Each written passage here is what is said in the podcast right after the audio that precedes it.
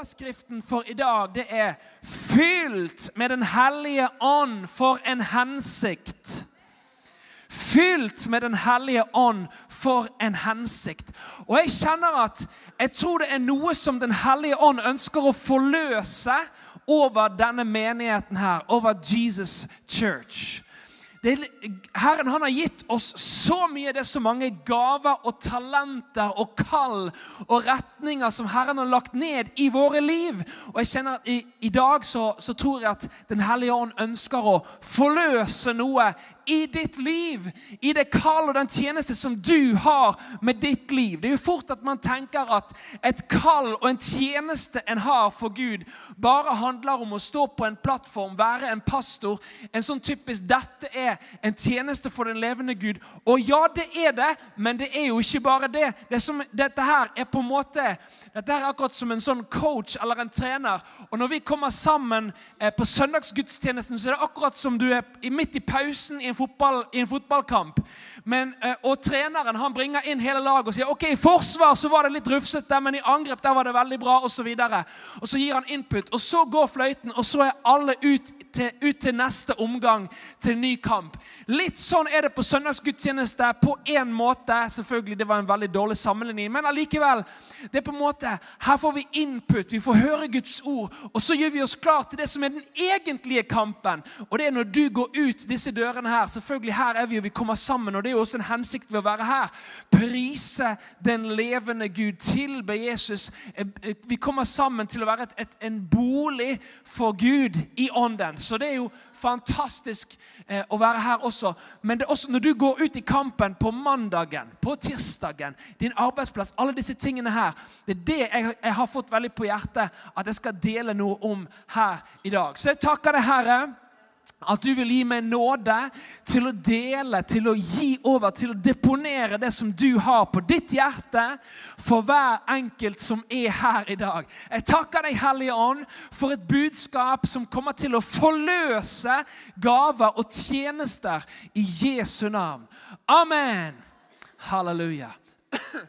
Ok, for de som har, vært, eh, eh, har hørt meg på TBBMI, så, jeg, så er det et av, et av, de bibelversene jeg liker veldig godt, som jeg, som jeg, tar flere ganger. For jeg elsker spesielt lovsang og ting som har med kreativitet å gjøre. Så i dag så skal vi begynne i andre Mosebok, kapittel 31. Og her står det om en person.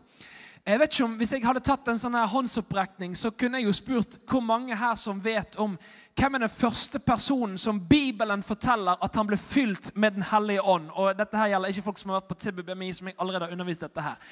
Opp med en hånd hvis du kan svare. hvis Du, du trenger ikke rope det til meg, men hvis du vet hvem er den første personen Bibelen forteller ble fylt med Den hellige ånd? Er det noen som kan svare? Som er, ja, det er faktisk noen som kan svare. Veldig bra. Ja, ok. Du trenger ikke rope ut. Det går, det går fint. Eh, det er fort å tenke at det var sikkert Moses, det var sikkert Abraham, det var sikkert Noah, det var sikkert Enok. Han gikk jo med Gud. Det var sikkert noen av disse her. Nei, det var faktisk ingen av disse, selv om det, det er jo ikke begrenset. De, var, de sikk, hadde sikkert en hellig ånd, de også, selv om de ikke var ikke de første Bibelen forteller ble fylt med Den hellige ånd. Men de hadde, nok, de hadde nok definitivt Den hellige ånd, de også. Men den første personen som Bibelen introduserer, som ble fylt med Den hellige ånd Dette her er litt spesielt. Jeg syns dette her er skikkelig herlig. Det er en mann som du kanskje aldri har hørt om eller tenkt over noe nevneverdig. La oss lese sammen i 2. Mosebok kapittel 31, vers 1.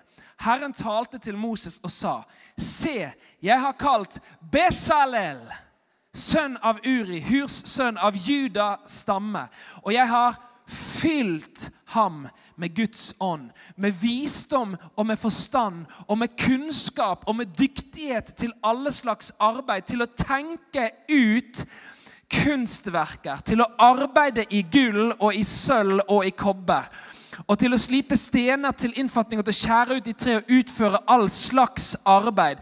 Og se, jeg har gitt ham til medhjelper Oholiab Akisamaks sønn av Dans stamme. Og alle de menn som forstår seg på kunst, har jeg gitt visdom i hjertet, så de kan gjøre alt det jeg har sagt til deg. Amen.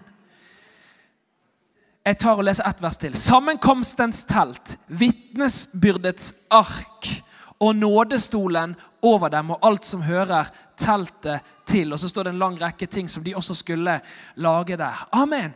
Besalel, en kunstner. Det var den første personen som Bibelen selv i alle fall forteller han ble fylt med Den hellige ånd. Og Jeg tror det er noe Den hellige ånd ønsker å fortelle oss ved, å, ved akkurat det. At det, denne her var den første som ble omtalt. Han ble fylt med Den hellige ånd. Når du blir fylt med Den hellige ånd, så er det med en hensikt. Det er ikke bare for at en skal kunne eh, få et, et, et tungetale, et nytt bønnespråk, selv om det også er fantastisk og herlig og en stor del av det.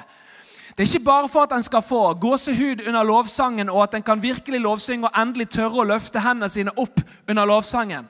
Det er ikke det som gjør, selv om det selvfølgelig er jo, Man blir jo veldig, veldig glad i Jesus og løfter jo naturligvis hender i lovsangen når man blir fylt med Den hellige ånd. Men Herren han, ønsker, han har en hensikt og han har en plan med ditt og mitt liv.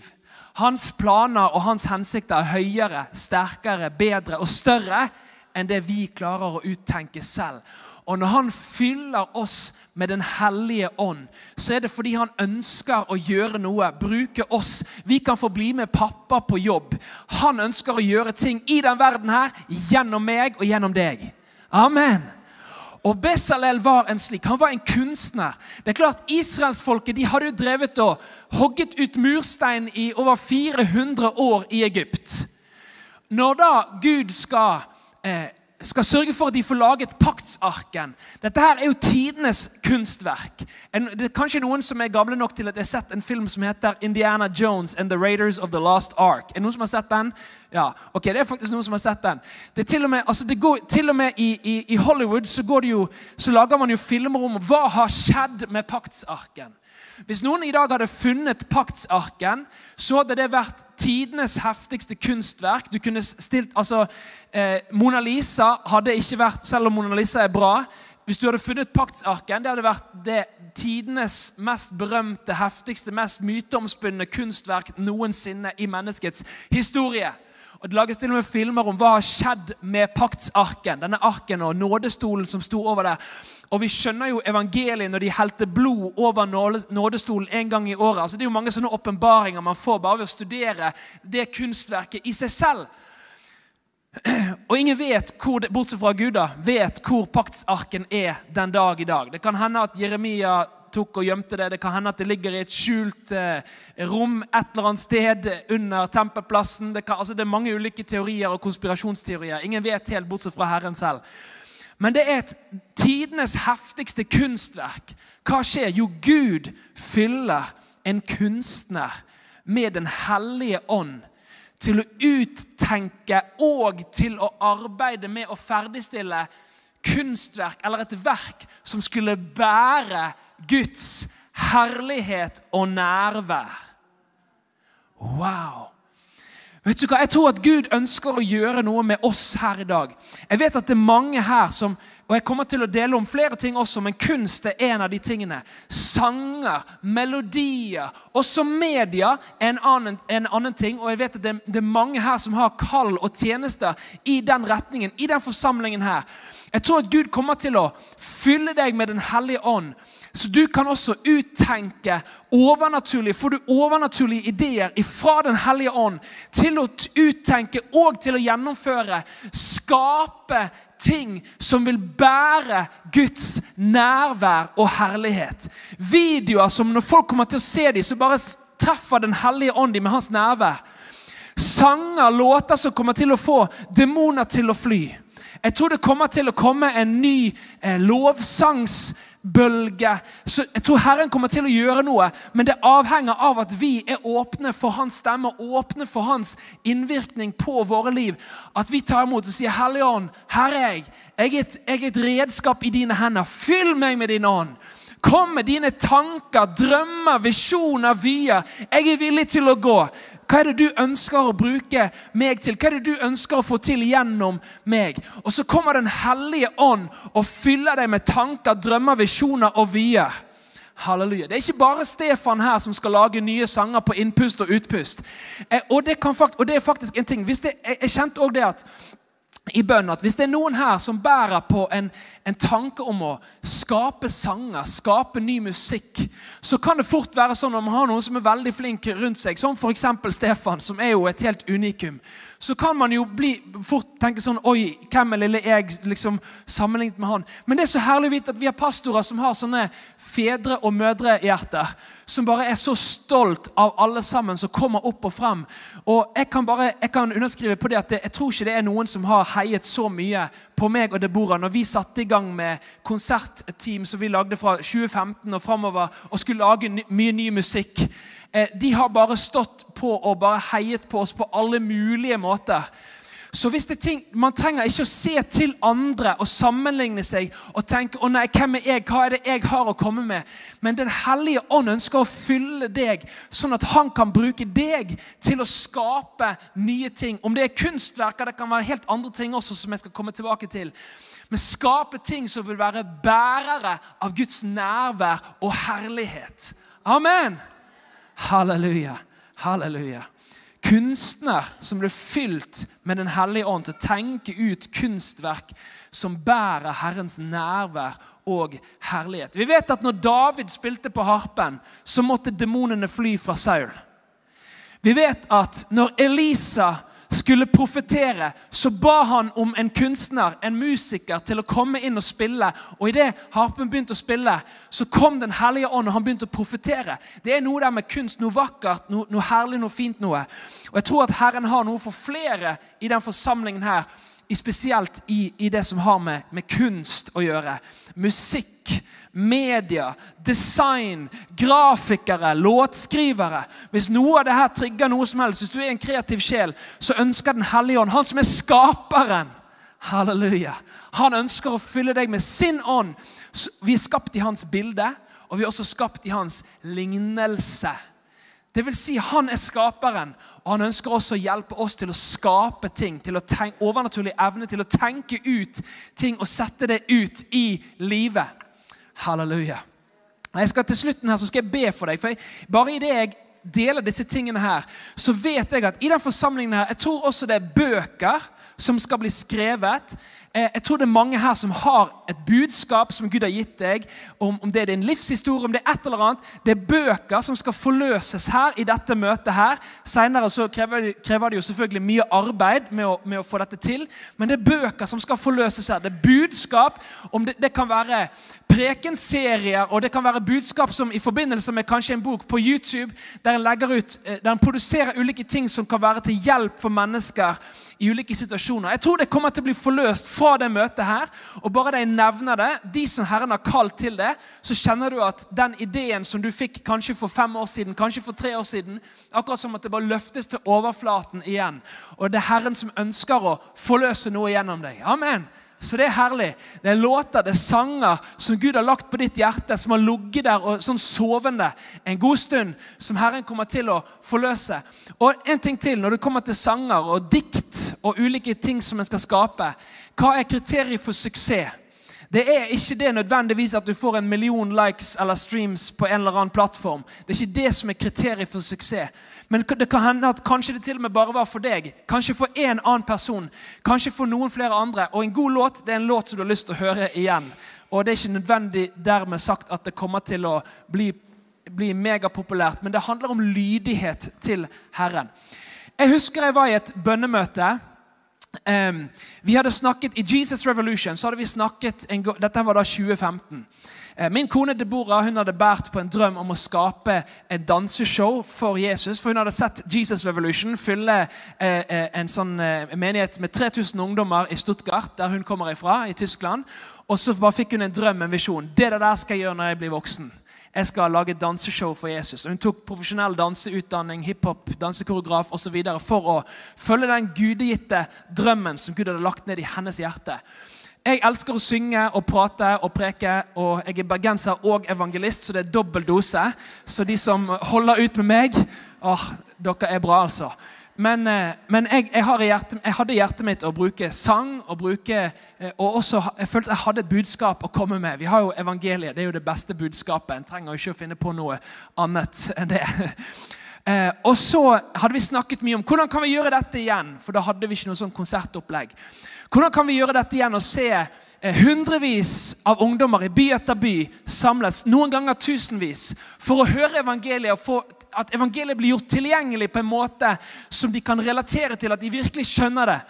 Og Så var vi i et enkelt bønnemøte, jeg og to andre, og vi bare ba en så enkel bønn som dette her.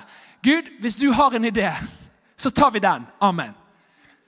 Det var bokstavelig talt min bønn. Det var akkurat det jeg ba, og det var så kort også. Det var ikke en sånn langt bønnemøte med en sånn herlig pad i bakgrunnen, og det bare fløyt. Det var bare sånn superkort. Ingen, det var bare Ok, Gud, vi var tre stykker. Hvis du har en idé, så tar vi den. Amen.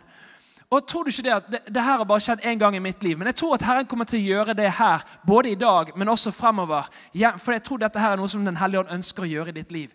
Akkurat der og da så var det som en sånn her eh, blueprint. Det var som en Jeg fikk en sånn download, eh, nedlastning på nynorsk. Eh, med, med, jeg fikk en hel idé til en konsertforestilling. Jeg fikk alle titlene, til og med ideer, altså ideer til medieproduksjon, til, til dansekoreografi. og hvis det er noen, altså Jeg er en helt elendig danser. Jeg er gift med en veldig god danser, men jeg er en helt elendig danser. Helt ubrukelig. Jeg har et veldig skjult, jeg har skjult talent for dansing, og det er veldig veldig godt skjult. Ingen som kan se det. Ikke jeg meg sjøl heller. Så det er veldig godt skjult. Um, men jeg elsker å synge og, og, og formidle evangeliet. Og Det kom en idé, og jeg skjønte at wow, dette her kan være noe fra Gud. Og Vi skrablet ned, det ble flere, flere A4-ark, og jeg bare så det for meg på innsiden. Og Så tok vi det, og så snakket vi om det, og så fikk vi tak i mus musikkprodusenter. og Så eh, trengte vi masse penger, og så sørget Herren for det. og Så tok vi ett og ett skritt videre. Og Plutselig så var vi i gang med en konsertforestilling som samlet hundrevis av ungdommer, noen ganger tusenvis, og kunne gi evangeliet. Og mange ble berørt av akkurat det. Og det er fantastisk. Og det, der, jo, der, der, er det greit å ha sånne mødre og fedre som Stefan og Anne som heier på deg og backer deg og har gjort godt den uh, løypen før. Så det er virkelig herlig. Men, men, Gud har det for deg. Han har sånne her eh, himmelske nedlastninger som han ønsker å gi deg, fordi at han ønsker å skape noe gjennom deg som vil bære hans nærvær og herlighet. Amen. Halleluja. Takk, Jesus. Um, halleluja. Så eh, bare leser det en gang til. Eh, fra andre Mosebok, kapittel 31. Eh, fra vers 3 tror jeg at jeg leser. Jeg har fylt ham med Guds ånd, med visdom og med forstand og med kunnskap og med dyktighet til alle slags arbeid, til å tenke ut kunstverker og til å arbeide i gull og i sølv og i kobber jeg skal, før jeg skal gå videre til neste punkt, så skal jeg si én ting til om det med å ha gaver og talenter som du kan bruke for Herren. Det er Én ting at en må jobbe, og, og, og, jobbe med sine gaver og talenter. Ta sanger som et eksempel. Det hjelper å lære noen teknikker og jobbe litt med det, for da synger du bedre. og Det blir lettere for deg, og du ødelegger ikke stemmen hele tiden. Så Den, den ene biten står på en måte eh, til, til oss. Men det som, er, det som, er, viktig når du har gaver og talenter, det kan være for noe helt annet. Det kan være innen forretningsverdenen, det kan være innen politikk, det kan være ulike ting.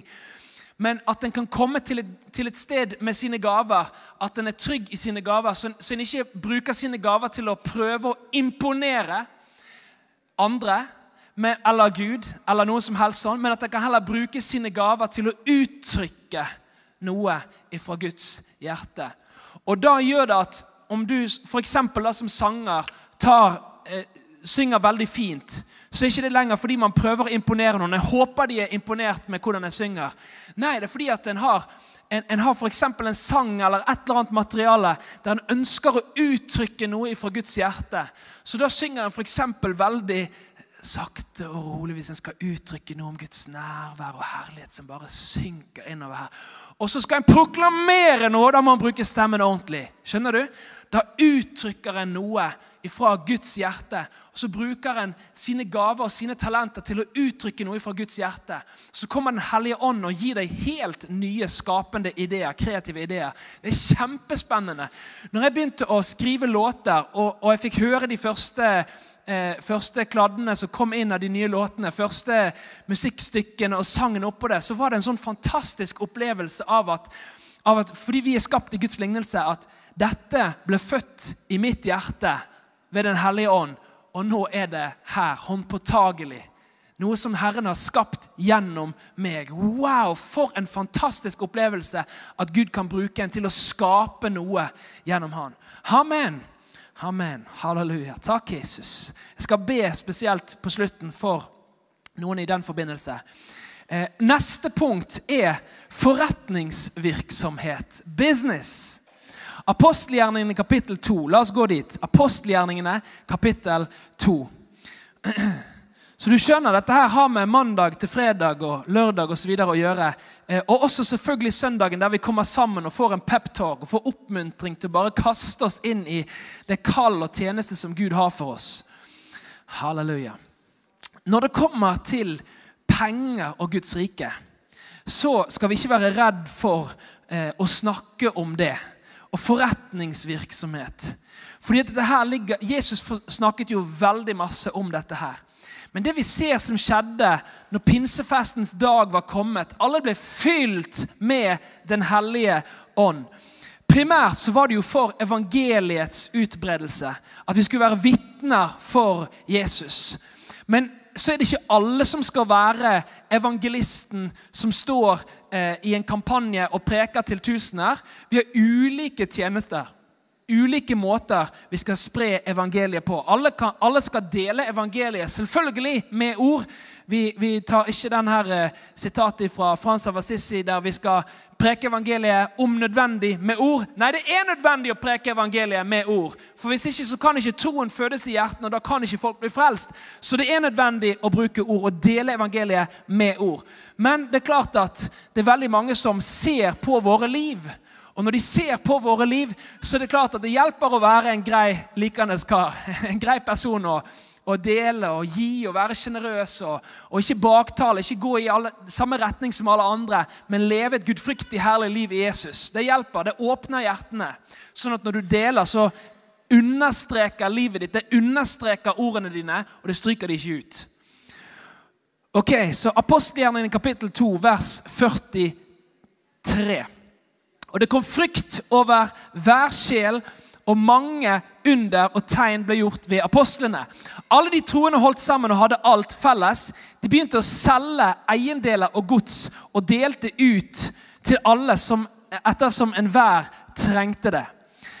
Hver dag kom de trofast og med ett sinn sammen i tempelet, og hjemmene brøt de brød og holdt måltid med fryd og hjertets enfold. De lovet Gud og var velsett av hele folket, og Herren la hver dag dem som lot seg frelse, til menigheten. Amen. Hva er dette her for noe? En av de tingene som jeg, som jeg føler Herren har lyst til å dele med oss her denne søndag morgenen, er vekkelsesbevegelsen. Dette som skjedde. Den hellige ånd, den hellige ånd falt, ilden falt. Eh, og De begynte å preke evangeliet. Evangeliet gikk ut, Det var vekkelse, det var tegn og under, det var mirakler. Og også andre ting var en helt naturlig del av denne vekkelsesbevegelsen og åndsfylden. Og det var givertjenesten. Det var den Guds rike tankegangen. De begynte å selge ting. og det er klart De sto ikke igjen på bar bakke, men de hadde skjønt noen sånne nøkler i Guds rike. At det er mer salig å gi enn å få. Og så er det en sånn, den loven om å så og høste. Herren velsigner oss så rikelig tilbake. Det Med din økonomi så kan du ta skritt i tro og stole på Herren. Han kommer til å legge folk og ulike Kanskje om det er initiativ eller ting på ditt hjerte som du kan være med å backe og heie fram. Og Han kommer til å vise deg hvordan kan du være med med, med ditt liv, med din tjeneste, med dine muligheter, og, og, få ting til å skje i Guds rike. Og en av disse eh, som, jeg, som jeg, jeg, leste en bok som, het, som jeg forresten har lyst til å anbefale. Hvis det er spesielt noen som driver med forretningsvirksomhet, så anbefaler jeg veldig sterkt en bok som heter 'Kingdom Builders' av Andrew Denton. Eh, og Underskriften er 'How to live an all-in life that turns vision into reality'. Eh, og den, Hvem er denne karen? her? Jo, Han er en av de som har stått tettest på eh, med Hillsong sin utbredelse. Eh, når, når, Brian Houston for mange år siden delte en visjon om en verdensvid kirke som Herren hadde gitt han, som, virkelig, som vi ser i dag, som er kommet for våre øyne, og vi bare velsigner Hillsong. Fantastiske menigheter. Og bare, bare så det er sagt, Vi står sammen med alle forsamlinger i denne byen her i dette landet, og vi elsker Guds menigheter. Og Om det heter Hillsong eller Philadelphia eller Jesus Church. Det, Jesus han har én kropp han har en kropp, og vi står sammen med alle, og vi velsigner og taler vel om alle andre som følger Jesus. Og for så vidt også de som ikke følger Jesus, taler vi vel om og velsigner også. Vi har ingen fiender. Vi har, bare, vi har Jesus, og vi følger han. Og selv om vi hadde hatt noen fiender, så skulle vi også velsignet de. Amen. Så denne Andrew Denton eh, på, det, på denne konferansen der Eh, Brian Houston taler om, om, eh, Han utfordrer er det noen som har lyst til å stå sammen med, med oss og bygge Guds rike. Inngangsbilletten er 5000 dollar. hadde han fått på Det møtet. Det var jo heftig for nordmenn. så liksom 5000 dollar, nesten fem, altså 50 000 kroner. Hvordan våger du å tale til, om min lommebok? liksom? Men han sa det, 5000 dollar det må være på toppen av tienden og de hellige gaver. Bare for de som kjenner en glede og et kall til å være med på dette. Og så var det han Andrew Denton som hadde en sånn entreprenørforetak som han holdt på med, bygge hus osv. Eh, og Det var ikke så veldig stort, men han kjente dette her skal jeg være med på. Så han kom, og Det var et sånt skikkelig troskritt å gi faktisk da inn i Guds rike. Gi til de tingene eh, som, som da en sto sammen om som menighet å gå inn for. Og 5000 dollar, for han var det kjempesum. Eh, men han tenkte tenkte dette var et troskritt. Han ga det inn. Og Så fikk han lov til å være med på det teamet da, som fikk bygge, begynne å bygge ting. Og Så opplevde han hvordan Gud velsignet han veldig tilbake igjen. Og Neste gang så var det da at han kunne stå med med 50 000 dollar og gi det inn. Og, og nå, nå, nå hjelper han forretningsfolk over hele verden til å ha en visjon for å bygge Guds rike. Og Så kan man tenke handler dette her om penger. Nei, det gjør ikke det. Først og fremst. Det handler om Guds rike. Han kommer da til Hillsong Stockholm der de holdt på å miste bygningen sin som de leide pga. økonomiske utfordringer, så samlet han gjengen der, delte visjon for Guds rike. Guds rike-tankegangen. At kom igjen, vi står sammen, vi, er Guds menighet. Og fikk, fikk, mange til å være med, og de, de satte i gang. Og nå eier de altså flere bygninger. Og Det er ikke bare sånn at den er på en måte under og så vidt klarer å overleve, men den har kommet opp på oppsiden igjen og klart å få til at den eier bygninger, og at den har, en, at den har overskudd og kan være med å velsigne andre også økonomisk. Og Det er å være gode forvaltere. Så det handler ikke om det liksom, å nei, jeg bare ga så og så mye. Det er ikke det det handler om, men det handler om en visjon for Guds rike. Og Kanskje ikke det er bare penger det går i, som en kan være med å, være med å bidra med. Det kan også være andre ting, men spesielt det med økonomi og det med forretningsvirksomhet. Og dette her, jeg, jeg, leste litt om Jesus. Hvordan var det han gjorde det? Det med forretningsvirksomhet. La oss gå til Lukas kapittel 8. Eh, Lukas kapittel 8.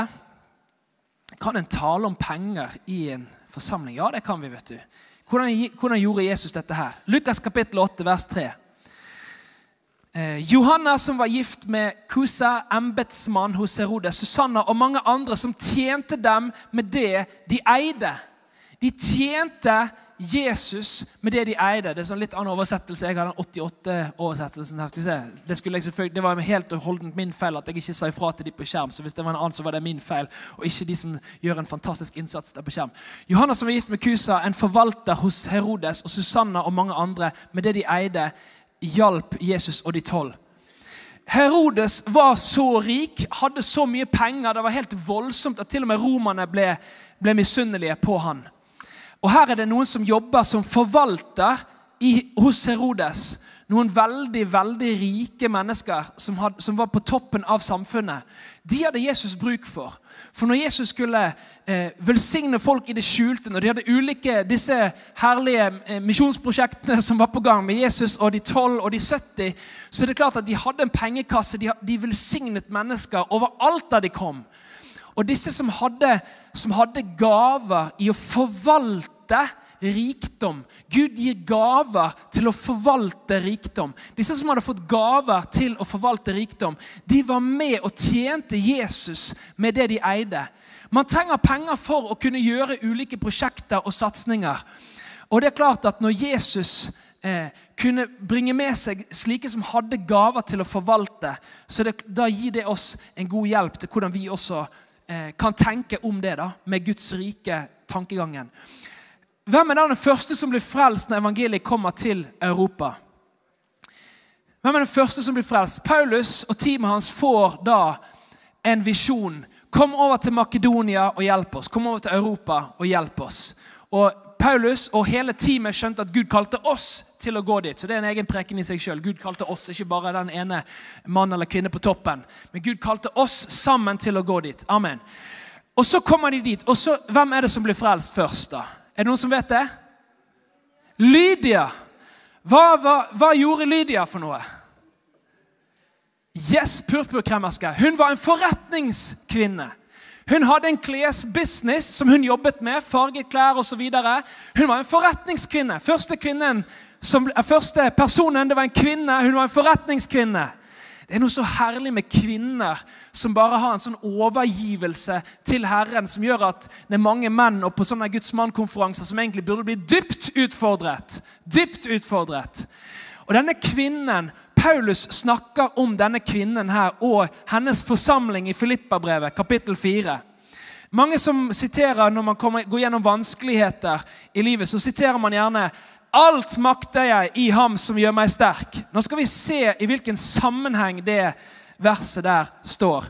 I Filippabrevet, kapittel 4 Skal vi se, Må jeg finne Filippabrevet her, jeg også, da? Skal vi se, sånn ja. Filippabrevet, kapittel 4, skal Vi se, vi kan ta fra vers 12, egentlig. Jeg vet dette er Paulus som sier, jeg vet hva det vil si å leve i trange kår. Jeg vet også hva det, hva det vil si å ha overflod. I alt og i alle ting er jeg innviet, både å være mett og å sulte, både å ha overflod og å lide nød. Alt makter jeg i ham som gjør meg sterk. Amen. Så kommer det. Like fullt gjorde dere vel i å stå sammen med meg i min trengsel. Dere vet jo selv, dere filippere, at i evangeliets første tid, da jeg dro ut fra Makedonia, var det ingen annen menighet enn dere som hadde slikt samfunn med meg at det ble ført regnskap og var gitt og mottatt. Allerede da jeg var i Tessaloniki, sendte dere både én og to ganger det jeg trengte. Ikke så at jeg trakter etter gaven, men det jeg trakter etter, er frukten av den, som rikelig skal komme dere til gode. Men nå har jeg mottatt alt og har overflod. Jeg har fulgt opp etter at jeg har fått gaven dere sendte med Epafroditus. Den er en vellukt, et offer som Gud gjerne tar imot, og som er til behag for ham. Amen! Her ser vi menigheten til Lydia. Første menigheten, en forretningskvinne, der Guds rike tankegangen var så i kjernen av evangeliet at de, de hadde en visjon. det handler ikke først og fremst om penger. Det handler om Paulus og teamet. De skal videre. De skal til en ny by, de skal plante en ny menighet, og så skal de til en ny by. Vi står med. Vi elsker det Gud har lagt på ditt hjerte. Og du ser givertjenesten gå sammen med den apostoliske tjenesten. Det er noe som skjer i vekkelsestider. Den apostoliske tjenesten går hånd i hånd med givertjenesten. Og For noen av dere så tenker dere, det her høres bare helt gresk ut. Men for de av dere som er her i dag, og Gud har et kall over livet ditt, til å være en sånn Lydia, til å være en sånn forløser av Guds rike tankegangen, så vet jeg at akkurat nå så er Den hellige ånd og taler til deg i ditt hjerte. Og Herren ønsker å forløse deg og fylle deg med Den hellige ånd til å tenke og til å skape. Skape verdier, skape løpebaner, skape arbeidsplasser, skape nye prosjekter. Nye ting som Herren ønsker å gi deg, med Guds rike tankegangen i bunn. at Hvordan kan vi utbre Guds rike? Og Det kommer til å skje både gjennom deg og gjennom menigheten. I vekkelsestider så knytter Herren den apostoliske tjenesten sammen med givertjenesten for å virkelig bringe forløsning av de tingene som Herren ønsker å få gjort. Halleluja! Takk, Jesus. Og så ser vi eh, den unge, rike mannen som en motpol til dette. Jesus kommer i Lukas kapittel 18, vers 18. Og Der er det en ung, rik mann. Og det er bare sånn For å balansere litt dette her, at det handler om rikdom og ikke. Eh, dere kan historien, jeg trenger ikke ta hele historien. Men den unge, rike mannen, Jesus ba han, selg alt det du eier Gi det til de fattige, så kommer du og følger meg. Og Så kan man lett tenke at Jesus snakker om at vi ikke skal ha noen ting og, leve i fattigdom. Det er ikke det Jesus treffer spikeren på hodet med i hjertet på denne unge, rike mannen. Det var hans kjærlighet til rikdommen som var større enn hans kjærlighet og villighet til å følge Jesus. Han hadde ikke Guds rike tankegangen. Han hadde meg i sentrum-type tankegangen. Han klarte ikke å gi slipp på det. Jesus traff spikeren på hodet når han sa 'selg alt det du eier, så kom og følg meg'. Jeg er helt sikker på at den, denne mannen åpenbart hadde en gave til å forvalte rikdom. Ellers hadde han ikke klart å fått den rikdommen. Det kan også hende at han hadde arvet noe. jeg vet ikke, Guds ord forteller ikke det. Men det var en ung, rik mann, mest sannsynlig fremadstormende og hadde mye rikdom. Gaven til å forvalte rikdom. Når du har gaven til å forvalte rikdom, så er det ikke noe problem nødvendigvis at du kommer ned til null noen ganger. For du har en gave til å skape nye verdier, og Den hellige ånd fyller deg til at du kan gå på på nytt som en pioner innenfor forretningsverdenen. Og Herren har gitt deg spesielle gaver innenfor det.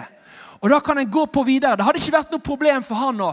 Kanskje han kunne kommet inn og hjulpet Peter og gutta med å, med å få den fiskebusinessen til, til, å fly litt høyere og hjelpe dem med, med, andre ting. Han hadde åpenbart gaver som kunne skapt ulike verdier. Skapt flere løpebaner, flere arbeidsplasser. Kanskje han kunne egentlig vært en av de i teamet til Jesus som kunne vært og sendt ut disse disiplene til å dele evangeliet, som kunne vært med i matutdelingen, som kunne vært med å, skape, å, å bli kvitt fattigdom, som det var mye av i Jerusalem den gangen. Jesus hans planer er større og bedre og sterkere enn våre planer. Men Jesus måtte treffe spikeren på hodet og si du har kjærlighet til penger. Og 1. Timoteus, der, står det at kjærlighet, 1. Timoteus kapittel 5 vers 10, så det at pengekjærhet er roten til alt ondt.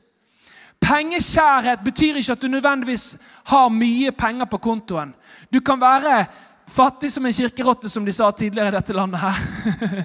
Og allikevel ha kjærlighet til penger. Kjærlighet til penger som er større enn kjærligheten til Jesus. Og Det er en veldig god motgift eller motkur eller medisin for det, og det er det å gi. Det er det å, det å være sjenerøs, det er å gi. Og Spesielt når Jesus oppmuntrer deg til å gi i tro til og med utover det en har mulighet til. Noen ganger så kan Den hellige ånd si det. David Wilkerson, når han plantet menighet i New York, Times Square Church, så kom han og banket på døren inn til et, et stort eh, teaterlokale. Eh, og Det hadde gått dårlig med dem en liten periode. og Han hadde vært på flere ganger og hadde lyst til å kjøpe dette teaterlokalet.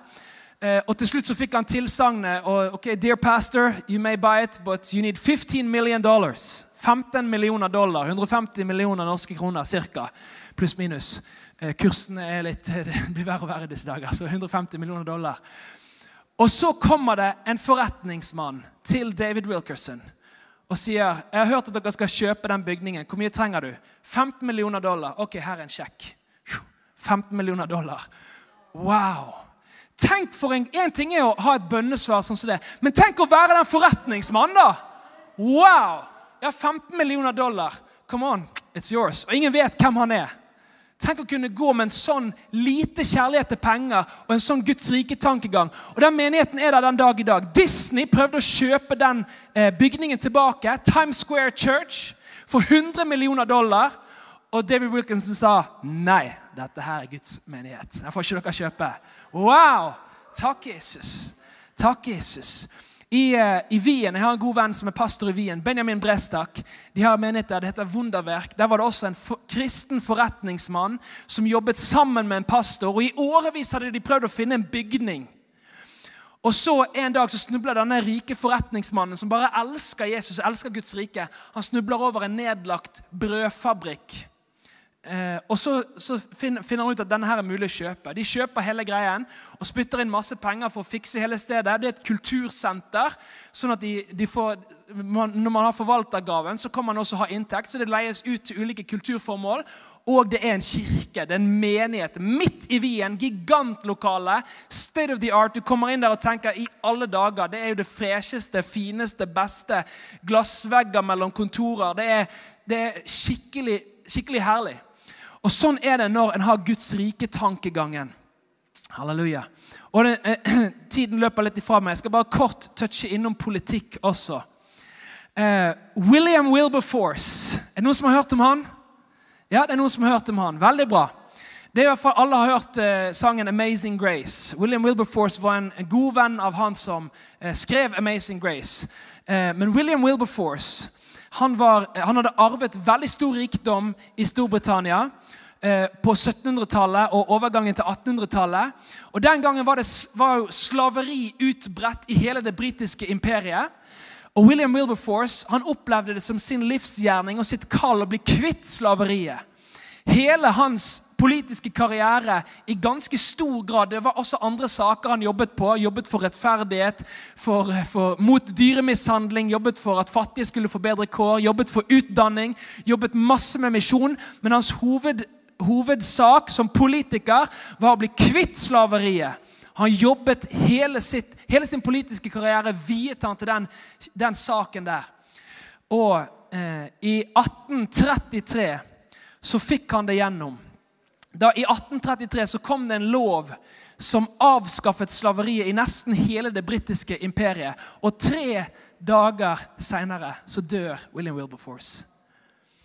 Han ble backet og støttet av John Wesley, noen vekkelsesledere, apostler, som, som skjønte hva, at Herren hadde sin hånd på denne unge mannen, og oppmuntret han. Ikke gi opp, William! Don't give up, young William! Go for it again!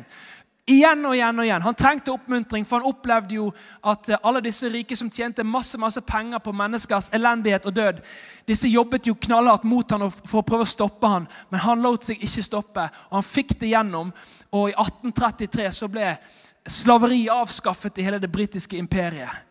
Wow, Tror du Herren trenger politikere, eller? Hæ? Wow! Herren trenger noen som kjenner og opplever et kall til å gå inn i alle sfærer av samfunnet og tjene Jesus. Og Det er en like heftig tjeneste som den heftigste predikanttjenesten du noensinne kan ha. Halleluja. Levi Petrus i Sverige han er et godt eksempel for det. De startet Kristendemokraterne, som, som het, de het vel noe annet først. Men, men, han var med, en av de som var med å starte det, fordi de så at det var en sånn avkristning av landet. Vi må gjøre noe med dette her. Og selv om de hadde en, en, stemme, var, de hadde en sånn her underskriftskampanje mot avkristningen av landet med over to millioner stemmer, og når de ikke fikk det gjennom selv da så sa han vi skal starte et politisk parti. Vi skal inn på storting, vi skal inn på regjering, vi skal inn på alt. Vi skal se en forandring i vårt land. Og så startet Kristendemokraterne, og de vant jo nettopp valget, så det er jo herlig. Men det var en av vekkelseslederne som var en av hovedfigurene i det som skjedde i begynnelsen. For vi skal se Jesus løftet opp i hele vårt samfunn. Amen. Halleluja. Og Hans Nilsen Hauge, for de som er norsk, de vet jo at det er på en måte det var, det var, så mye herlig. Det var vekkelse. De, de startet aviser. Fedrelandsvennen til de som er fra eh, Sørlandet, det var jo haugianerne som startet. De, startet, de, de, skrev bøker, startet bedrifter. De hentet han til og med ut fra fengselet for å hjelpe seg til å finne det beste stedet for saltutvinning. Og Senere tider har man funnet at det var to steder i Norge med høyest konstellasjon av salt i saltvannet. Og Det var et sted langt oppå, på jeg tror det var Nordvestland. eller noe sånt, Og så var det akkurat der. Og Da hadde han gått ned, og så hadde Den hellige ånd talt til han. Der skal du starte en bedrift. Den hellige ånd fyller oss for å tenke ut, skape ting som, så vi kan være bærere av Guds herlighet og hans nærvær.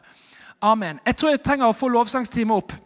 Og så tror jeg vi trenger å reise oss, for det er de som eh, eh ja, Sånn at vi får ha litt blodomløp. Og, og sånn, for jeg tror Herren han ønsker å gjøre noe her. Så det er viktig at vi våkner til det som Herren ønsker å gjøre eh, for oss og med oss her i dag. Jeg tror at det er enkelte her som har ideer, kreative, skapende ideer som du har fått kanskje i et bønnemøte, kanskje i en eller annen setting. Ting som du vet som har ligget der fra lang tid tilbake. Det kan være en forretningsidé. Det kan være ulike ting. Det kan være noe som du allerede vet om, og som du har stått i en god stund. Men i dag så tror jeg at Den hellige ånd ønsker å vekke det til live og sette deg i gang. Det kan være budskap som du har blitt gitt. Kanskje det skal komme ut i bokform. Kanskje det skal komme ut i form av en ny TikTok-account. Kanskje det skal komme ut på et eller annet, en eller annen måte som, som ikke jeg vet om engang. Herren vet det, og han ønsker å kalle deg her i dag. Og så jeg, jeg har lyst til å bare be her be her i, i, i, avslutningen at vi kan ta de tingene og ta en avgjørelse her og nå i dag. Det blir ikke noe sånn frelsesinnbydelse eller noe sånt, selv om jeg er evangelist. Eller jeg, kan ta, jeg, må faktisk ta det også. Jeg tar det også. Men, eh, for jeg er jo evangelist, så jeg må, må, må faktisk ha det også. Men det kan vi ta helt til slutt. Det, det viktigste jeg kjente Den hellige ånd har på hjertet her i dag, det er å forløse skapende ideer. Forløse skapende ideer i ulike sfærer av samfunnet. Eh, og jeg vil at du skal ta opp enten om du har skrivesaker eller en mobiltelefon der du kan ta notater, så vil jeg at du skal finne fram det akkurat nå. Finn det fram akkurat nå. Et eller annet du kan skrive på.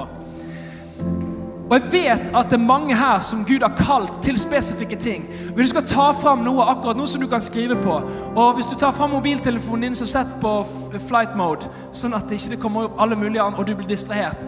Finn fram notisblokken, notatblokken, og så tar vi bare en liten bønnestund. Og der vil jeg at du skal forresten, tilgi meg, de som oversetter. Jeg er både bergenser og evangelist, og det går fort. Dere er noen helter. Ok, Tusen takk for dere som oversetter. Huh, men jeg hadde mye på hjertet. Jeg vil at du skal ta, når vi ber nå, skriv ned, noter på mobilen alle de tingene som Herren minner deg på akkurat nå, som han bringer frem. Ting som han har gitt deg, som kanskje har ligget sovende eller ligget og, og, vært der, som Herren bare minner deg på igjen. Eller kanskje det er noe helt nytt noe som Herren ønsker å gjøre i framtiden. Så vil jeg du skal skrive det ned nå når vi tar en enkel forbønnsstund, sånn at du kan ta det med deg hjem og begynne å jobbe med det. Begynne å gjøre noe ut av det, så det kommer ut i livet. Så det ikke bare blir værende i ditt hjerte. Og en ser tilbake og tenker å, hva om jeg hadde handlet på den innskytelsen eller den visjonen eller den drømmen? Ok, Så da bare ber vi. Vi takker deg, Herre. Hellige Ånd, jeg ber om at akkurat nå så fyller du oss. Hellige Ånd, jeg ber om at du vil fylle oss akkurat nå med tanker, med drømmer, med visjoner. Ting fra ditt hjerte, Herre. Takker deg, Herre, akkurat som Moses så bildet på fjellet og spurte Bessalel, så hadde du allerede forberedt Bessalel. Han også hadde sett disse tingene i sitt hjerte, for du fylte han også med din hellige ånd. Jeg takker deg, Herre, at akkurat nå så fyller du oss med din hellige ånd. Om det er kunstverker, nye medieprosjekter, om det er videoer, om det er bøker som skal skrives, om det er forretningsvirksomheter som skal startes, om det er løsninger på problemer som vi ikke skjønner, eller noen rundt oss skjønner, om det er matematiske formler som skal skapes. Herre, du vet alt, Herre. Og nå bare kaller jeg det fram. Jeg forløser det over ditt liv i Jesu navn. Jeg forløser kreativitet, ideer, i Jesu navn. Jeg forløser det akkurat her nå i Jesu navn. Så ta imot det i tro i Jesu navn. De tingene som du kjenner at Herren allerede har delt med deg, tal til deg. Også nye ideer. Blueprints. Akkurat nå i Jesu navn. Blueprints Jesu navn, skapende ideer, kart, oversikt over ting som Herren ønsker å gjøre gjennom ditt liv, i ditt liv. Takk, Herre. Priser deg, Herre. Jeg ber Hellige Ånd om at du gir oss frimodighet til å handle på de tingene. Og jeg ber om at du også kaller sammen team, Herre, som skal gjøre disse tingene sammen. Jeg ber om at du kaller flere til å stå sammen i de prosjekter, i de ting som skal gjennom, som skal fødes frem. I Jesu navn. I Jesu navn. Takker deg, Herre. Takker deg, Herre. Vi priser deg, Herre. Lover deg, Herre. Forløsning i Jesu navn. Halleluja. Forandret det samfunn i Jesu navn. Halleluja. Halleluja. Takker deg, Herre, for nye bøker som skal skrives. Jeg takker deg for bokideer. Bare forløser det nå i Jesu navn. Halleluja. Takk, Herre. Takk for nye låter. Takk for nye sanger som skal skrives, som skal, ny lovsang, ny tilbedelse som skal komme fram her. Fra ditt hjerte, ikke bare fra vårt fra ditt hjerte gjennom vårt hjerte og opp igjen til deg, Herre. Takk, Jesus. Priser deg, Herre. Priser deg, Herre. Takk, Jesus. Halleluja, halleluja. Halleluja. Og så har jeg lyst til å spørre, halleluja, er det noen her som ikke, Når du har hørt disse tingene her, så bare vet du at jeg er ikke der med Jesus. Jeg har ikke fått kommet inn i det livet i det hele tatt med Jesus. Kanskje det er noen her som som er relativt ny til å, høre om Jesus i det hele tatt, som aldri har fått tatt en avgjørelse om å følge Jesus med ditt liv. Kanskje det er noen her som, som har fulgt Jesus, men et eller annet kom inn og skjedde, og du har gått bort ifra det som du begynte, du begynte bra, men noe som har kommet inn nå. Kanskje et kompromiss, og så et til, og så har du kommet bort. Kanskje ikke noen vet om det, men du vet det. Kanskje det er noen her også som er med på møte etter møte og synger i lovsangen og sier de riktige tingene og er rundt de riktige folkene. Men hvis du er helt ærlig med deg sjøl, så har du ikke din sak i orden med Gud. Og Hvis det er deg her, så vil jeg vi skal alle, først så skal vi alle sammen lukke våre øyne og, og, og bare bøye våre hoder innenfor den levende Gud. Så jeg har lyst til å spørre, Hvis det er deg, og du trenger fred med den levende Gud, om det er for første gang du tar imot Jesus, eller om du trenger å komme tilbake til Jesus, så vil jeg akkurat nå, der du står, og løfte din hånd høyt opp, så skal vi be sammen. Er det noen her som kjenner at jeg trenger fred med Gud? Jeg trenger å enten å gi mitt liv til Jesus for første gang, eller komme tilbake til Jesus der det gikk galt. Komme tilbake og begynne på nytt. Er det noen her? Løft din hånd høyt opp. Gud velsigne deg. Er det flere? Er det flere her? Gud velsigne dere. Gud velsigne deg. Er det flere også som ønsker å komme tilbake eller gi sitt liv til Herren for første gang? Halleluja. Gud velsigne deg. Er det flere også? Takk, Herre. Gud velsigne deg. Er det flere også her Vi trenger å få en ny start med Jesus? Halleluja. Takk, Herre. Herren er her, og han kaller på deg. Amen. Amen. Takk, Jesus. Da skal vi ta Hvis det er flere, er det en til? Er det en til her også som kjenner det? At det er meg? Be for meg. Ok, Da skal vi ta og be sammen. Gud velsigne deg. Halleluja. Skal vi be sammen? Jeg ber først på norsk, og hvis du har oversettelse, så bare etter oversettelsen så bare ber du ut på ditt språk. Det er engelsk eller ukrainsk eller russisk eller hva språk du enn, enn har. Det viktigste er at det kommer fra ditt hjerte og direkte til Jesus. Så da ber vi. Jesus. Vi kan ta og be alle sammen. Jesus, jeg kommer til deg. Tilgi meg for alt jeg har gjort galt. Takk for at du døde på korset for meg. Jesus, jeg tror på deg. Kom inn i mitt liv. Jeg ønsker å komme til deg og, og begynne å leve ordentlig for deg, Jesus. Ta over mitt liv, Jesus. Vær min venn. Fra i dag av så ønsker jeg å vandre med deg, Jesus. Takk for frelsen. Takk for tilgivelsen. I Jesu mektige navn. Amen. Halleluja. Amen. Halleluja. Nå skal vi gå over i nattverd, og det er en blodspakt med den levende Gud. Alt det som han har, det tilhører nå oss. Alt det som vi har, det tilhører han. Når vi nå går over i nattverd, så vil jeg vi skal ta det som Gud nettopp har talt til oss. Og så gjør vi det som en sånn pakt innenfor den levende Gud. At Herre, jeg lever for deg. Jeg ønsker å vandre med deg. Jeg ønsker å være lydig i de tingene som du har delt med meg. Jeg ønsker å gå videre med deg, Jesus. Og når vi tar den blodspakten, så vet vi også at vi er fullt ut tilgitt. Vi kan stå fremfor den levende Gud som om vi aldri har hatt noe som helst synd. På grunn av det Jesus har gjort for oss på korset. Så da går vi over i nattverdet.